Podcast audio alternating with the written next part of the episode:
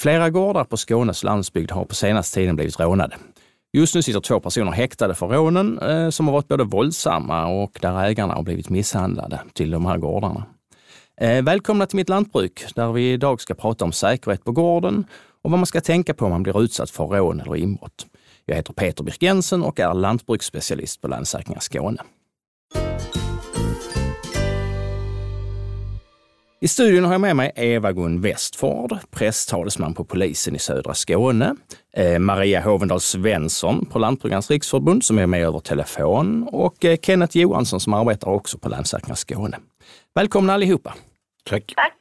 Vi har ju sett tidigare att det har varit många fall av stölder på växtskyddsmedel och på GPS, men nu har det också blivit en del eh, personrån, som till exempel de här gårdsrånen. Men även att ungdomar blir rånade ute, i, i, i, eh, ute på stan eller i byarna.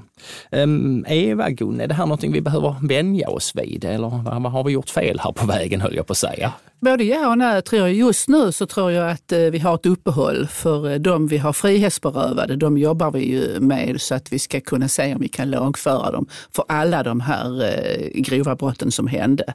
Och vi har ju sett att när vi väl frihetsberövade de här så har ju just den här typen tagit slut. Men vi vet också vid grov brottslig verksamhet att det finns många som tar intryck och sen kommer det lookalike. Så att eh, jag tycker, ha med det i medvetandet. Kan du berätta någonting om de här, vad, vad har hänt hittills som sådant, om de här, just de här gårdsrånen? Jag är ganska stolt över eh, vad vi, har, vad vi har gjort på polisen, det måste jag ju säga, därför att eh, vi har nu eh, personer frihetsberövade och eh, vi hoppas kunna lokalisera fler och eh, även gå till lagföring. Vi har fem eh, de här, av de här brotten och vi är inte riktigt framme vid att kunna lagföra dem eller misstänka dem för alla fem, men vi jobbar i den riktningen. Och eh, utredningen den pågår ju med det här jobbet nu som inte syns. Det vill säga nu ska vi, eh, har vi eh, brott, vi har anmälningar, vi har ett händelseförlopp och vi har teknisk bevisning och allt möjligt sådant. Det här ska vi knyta samman för allting som vi har, det måste vi kunna leda i bevis. Det är liksom vår utmaning. Sen eh, gäller det ju också att försöka få fram så mycket så vi kan hålla brottsrubriceringarna eh, i mitt fall då hoppas jag på att de ska stanna så att det blir ett grovt brott, för då har vi, eh, då, då har vi en lite annan eh, verktygslåda. Men det vet vi inte, det är lagstiftare och, och domstolar som ska tolka och eh, det här när man satt hemma i soffan så tyckte jag det kändes som ni hade en idé vart ni var på väg som sådan. Jag var uppjagad redan när det första gårdsrånet inträffade och liksom kastade mig över eh, och, och fick vara med där i, i det hela. Och jag ser ju som åskådare utifrån hur mina kollegor jobbar. Och, eh, man kan säga mycket om polisen, men när man får jobba med det man kan och med lokalkännedom då, då är det ju jätteviktigt. Och sen eh, hände det sig så att en av gårdarna, det var eh, där jag personligen involverad beroende på att där började min farfar som dräng en gång. Och det gjorde att jag liksom fick det lite in i hjärtat och följde det ju liksom 24 timmar om dygnet och pushade på mina kollegor. Och jag såg ju hur de också tyckte de här brotten var avskyvärda. Eh, hur har rånen gått till? Kan man säga någonting om det? Överlag? Ja, det kan man. För, för eh, man har ju eh, typ valt ut eh, större gårdar och så har man eh, överraskat dem. Och man har haft en plan, man har haft en tanke. Det vill säga man ringer på dörren, ställer en fråga, ett påstående. Jag vill eh, titta på din bil som du har eh, aviserat ut på Blocket. Det har inte jag gjort. Boom! Och så har man fått en smäll.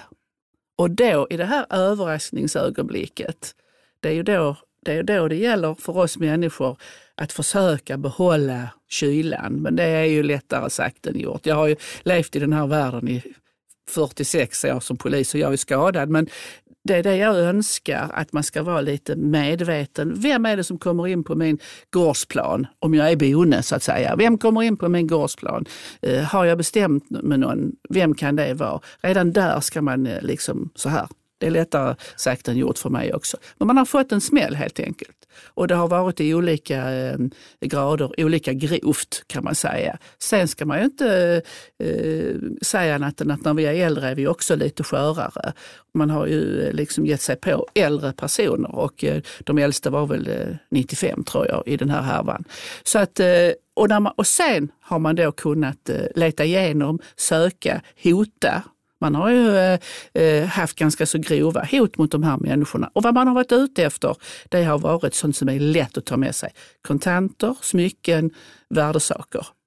Och sen snabbt eh, därifrån. Och så har man ju då sett till så att i något fall i alla fall vet jag att man inte har kunnat larma.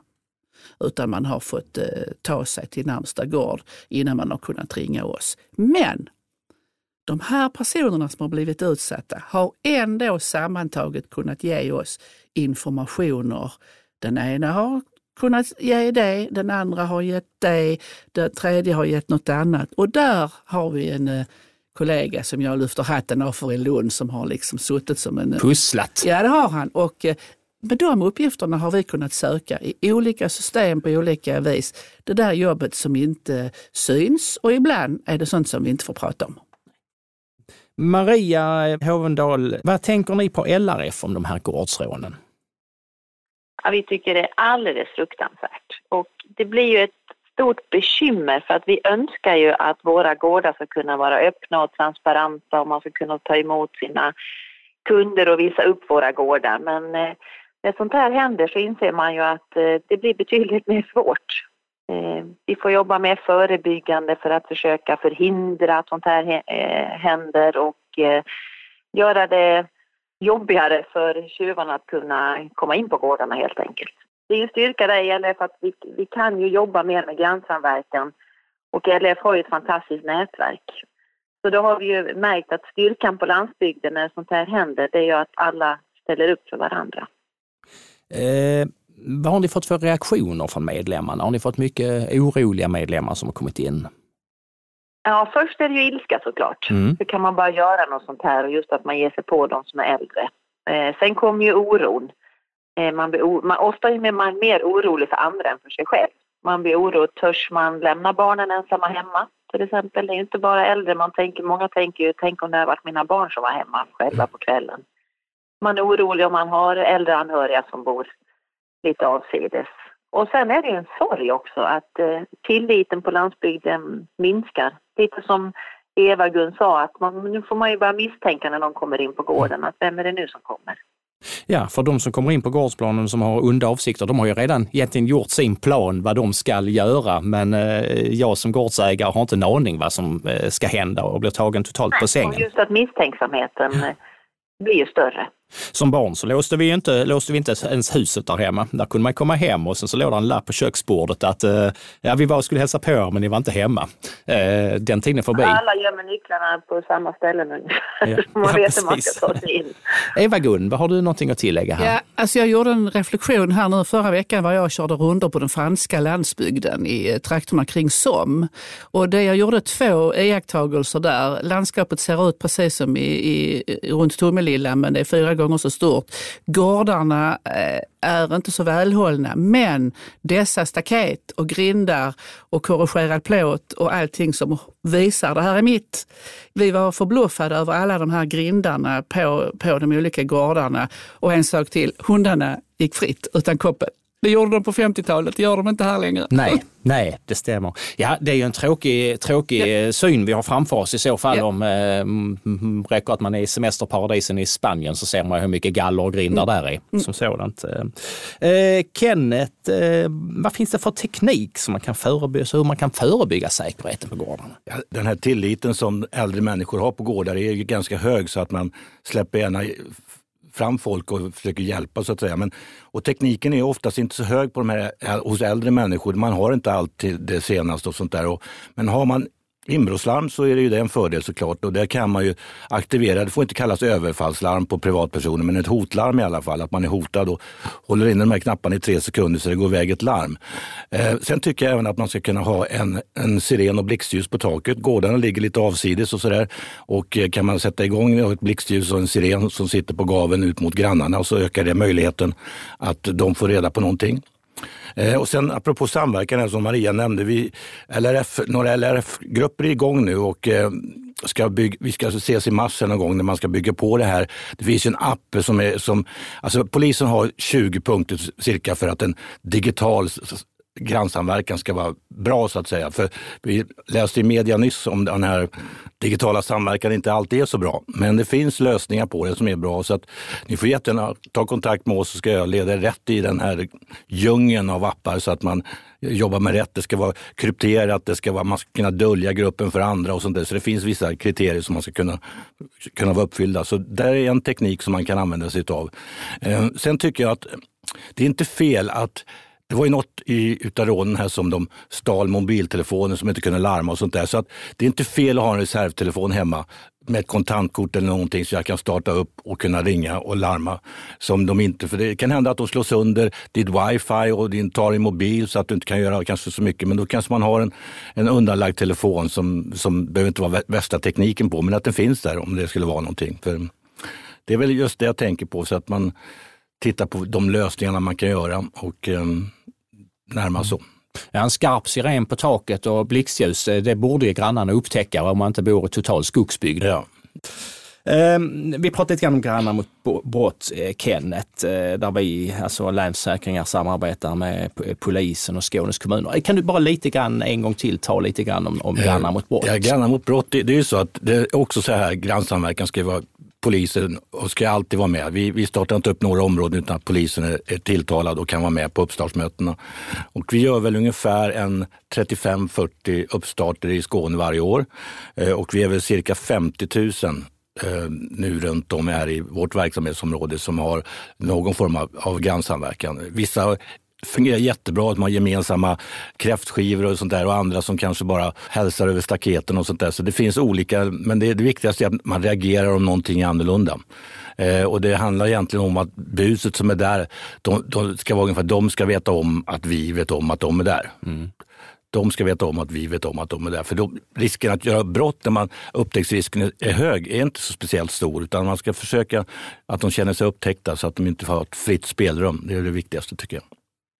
Ibland tänker jag på att ja, vi har alla då mobila eh, banker och eh, de flesta av oss har det i alla fall. Eh, har vi sett, Eva några rån på just det att man har blivit tvingad att föra över pengar från sin bank och den delen?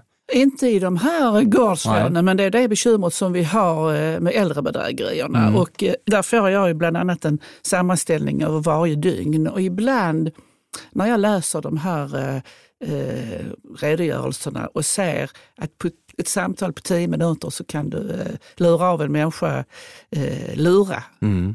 Ett livs besparingar, men också i de bedrägerierna där du ringer och säger att du är från polisen, det är ju, och då är man dubbelt lurad. Och då kommer man hem. Och där har det uppstått hotsituationer. Inte minst vet vi ju att vi har två mycket allvarligt eh, skadade äldre damer i över 90 år som eh, fortfarande är på sjukhus. Så att ehm, det kan bli precis vad som helst. Varje enskild händelse som händer har sina egna ingredienser. Mm.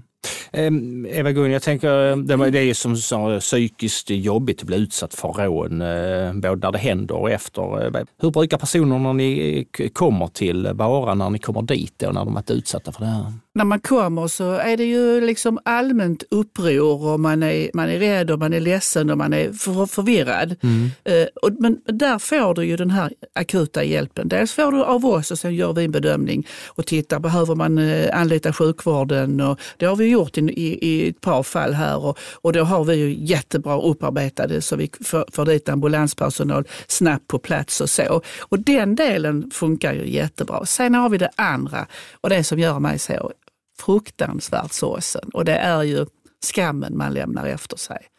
Man lämnar efter sig personer i skam som skäms. Dels skäms man över vad man har blivit utsatt för. Så går man igenom det med sig själv och så tänker man, varför gjorde jag inte så? Varför gjorde jag inte så? Och sen ältar man detta och där eh, är ju inte vi med längre. Vi är med sen i utredningsdelen, men där, där har, vi har ju inte den, eh, det, det psykosociala ansvaret utan där sköter vi bara utredningen. Det är rätt så hårt och kallt, men där känner jag att eh, där skulle man kunna göra någonting för dem. Vi har ju krisförsäkring som ingår i våra hemförsäkringar och i lantbruksförsäkringarna som är då kan hjälpa till också med, eh, med just krisbearbetningen efteråt om man blir utsatt för det här. Men, Eva-Gun, om man blir utsatt för den, vad rekommenderar att man ska göra eh, för att hålla situationen så lugn som möjligt? Alltså är man Arnold Schwarzenegger Mm, eller har hela böjalaget på ja, plats. Då är, det liksom, då är det liksom eh, klart att man kan kanske agera. Men eh, vi ska inte tro vi är några Tarzan utan eh, man måste se till så att eh, man behåller sig så lugn som det bara är möjligt. Men samtidigt försöker väcka den delen i hjärnan som iakttar. Så mycket iakttagelser som möjligt. För det jag såg i de här eh, gårdsråden när jag lyssnade av mina kollegor, hur de satt på, på våra dagliga möten och drog trådar och hittade lösningar och hittade den där. Ja men det var ju han där och det var ju den bilen där. Och Alltså förstår ni, det är, eh, det är helt otroligt. Så, att, så mycket iakttagelser som möjligt om man nu kan det. Och när jag säger det så menar jag att man ska lyfta det här samtalet, inte bara när man träffas över en kopp kaffe eller så, att man alltid har lite säkerhet med sig i, i, i baknacken när man vet att eh, det finns människor som kör runt och bara letar efter nya offer. Och den skånska slätten kan vara rätt så svårspanad om vi ska ligga efter och spana på någon. Mm. Då syns ju vi ju ja. också. Och så ska man titta efter, ähm, tänka till, vad är det man inte ser? Vad är det som, hur brukar det se ut runt mig här? Och så plötsligt så kommer det någonting, men den är ju inte, det, det brukar ju inte vara där, det brukar ju inte. Och det har jag lärt mig genom året att det är jätte, jätteviktigt. I den akuta situationen så kan man bara följa det som, som händer, det händelseförloppet och inte försöka spela Tarzan och hjälte utan uh, tänka till. Maria, vilket stöd kan eh, ni på LRF ge era medlemmar eh, som har blivit utsatta? Ja, vi har ju det vi kallar för LRFs omsorgsgrupp. Och där anpassas ju hjälpen efter varje individ. individ. Det är ju väldigt individuellt vilken typ av hjälp man vill ha. Så att varje medlem får liksom önska vilken hjälp önskar jag? Ska det vara något praktiskt? Ibland kan det ju vara att man vill ha hjälp med att kontakta försäkringsbolaget. Och sen har vi också de här samtalen, det här psykosociala som eh, Eva Gun pratar om. Och det har vi ju våra bondekompisar. För väldigt många upplever vi att man behöver prata om situationen. Och gärna med en, med en kollega och någon annan som, som känner till ens livssituation.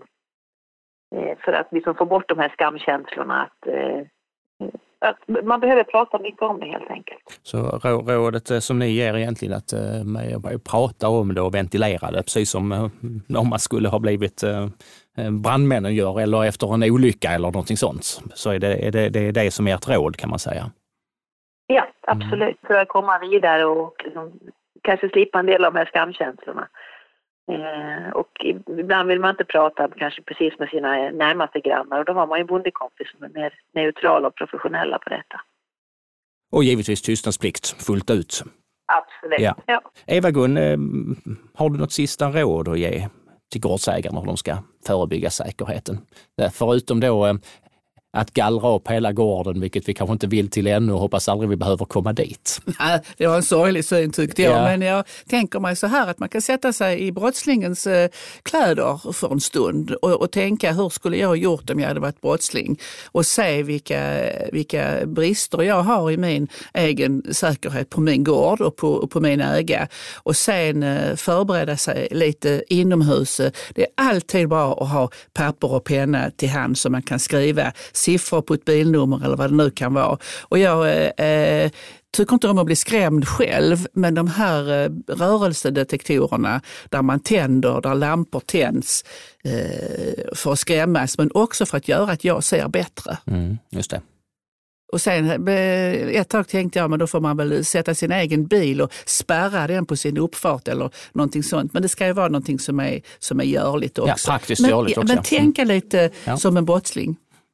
Eh, Kenneth, vad ger vi för råd på Länsförsäkringen? Ja, framförallt att de ska kontakta oss om de vill ha personlig rådgivning. Vi eh, kan gärna kontakta någon på lantbruksavdelningen eller dig Peter eller mig. Eh, om man vill kanske komma igång med någon form av samverkan i sin, i sin omgivning. Ehm, så att, och sen tycker jag Eva-Gun nämnde riktigt bra det just med, med att sätta bilar på uppfarten. Och där. Men, men om man har två vägar in till gården så är det inte allt fel att sätta återvändsgränd på båda. Eh, de drar sig för att åka in på vägar som bara har en väg ut igen. Så att eh, det kan vara ett sätt att, att eh, skapa den här osäkerheten för de här busarna, för det är det man ska göra. De ska inte känna sig trygga att göra det här. Ehm, och sen att, att de anhöriga, kanske yngre, träffar sina föräldrar, om det är de som, som kanske inte har de här tekniska kunskaperna om, om kanske en app och sånt där, utan lär upp dem lite grann. För det, man kan i den här appen trycka på rädd eller sjuk och då går det ut ett meddelande till alla som är med i gruppen och exakt var min position är någonstans.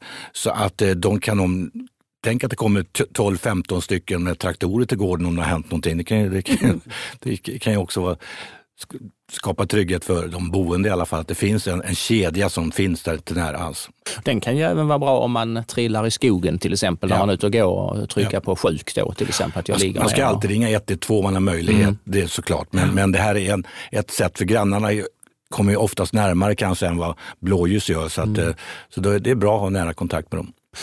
Vi pratar ju annars eh, mycket om lås och larm hos oss. Eh, kameraövervakning på, på egen mark som sådant. Vad säger du om det? Eller? Det får, ja, det får man ju ha så länge det är privat mark så inte mm. allmän, allmänningen liksom blir inblandad så är det okej. Okay. Och, och det kan ju dessutom ha kameror som är kopplade till anhöriga så att, så att jag som får upp det i min app eller i min telefon så sagt var att, att det är en rörelse på gården hos mina föräldrar eller något sånt där. Så att man, den tekniken kan man utnyttja på ett, på ett bra sätt. Mm. Tekniken kommer som sådant, ja. tekniken finns som sådant. Det gäller bara att man kan använda det använda det rätt. Ja, och man, mm. att man tycker det är ekonomiskt försvarbart också. Det är hela ja. tiden en balans där. Så. Eh, Maria Hovendal Svensson på LRF, eh, har du något råd eller har ni något råd på LRF som vi kan skicka med? Ja, något, något som jag tycker är absolut viktigast som man ska skicka med om man råkar ut för en sån här situation, det är att alltid tänka att du är viktigare än pengar och prylar. Ja. Att hela tiden tänka på sin egen säkerhet, den, den tror jag är väldigt viktig att skicka med. Och sen det enkla, att börja låsa och kolla innan du öppnar dörren vem som står utanför. Mm. Det hade ju undvikit många av de här situationerna om man haft något, något fönster man kan kika ut eller ett tittöga eh, så att man överhuvudtaget ser att man, man, man kan ropa genom dörren, vem är du? Och eh, kolla på det sättet också. En, sån, en liten enkel sak, att vi får nog börja låsa på landsbygden vare sig vi vill eller inte. En, en fråga till till Eva-Gun. Vi har ju mycket personrån och sånt. Beror hela den här biten på att det är svårare att få tag i kontanter i övrigt i samhället? Ja, det har blivit en förskjutning tycker mm. jag om du frågar mig. I, eh, vi har mycket, vi har äldrerån, vi har ungdomsrån och vi har så. Men det har skett en förskjutning när det gäller värderingar. Ungdomar idag eh, värderar ju liksom eh, inte det här grova brottet alls så som lagstiftaren gör. Och sen har ju Sverige i mitt tycke ibland ett märkligt sätt att eh, hantera den lagstiftning som finns. Vi är lite för släpphänta. Men eh, vi har, jag tror det beror på förskjutningen i samhället av värderingar och jag tror vi får vänja oss eh, vid det. Det kan man ju inte bara eh, undgå att se i de politiska diskussionerna idag. Nej.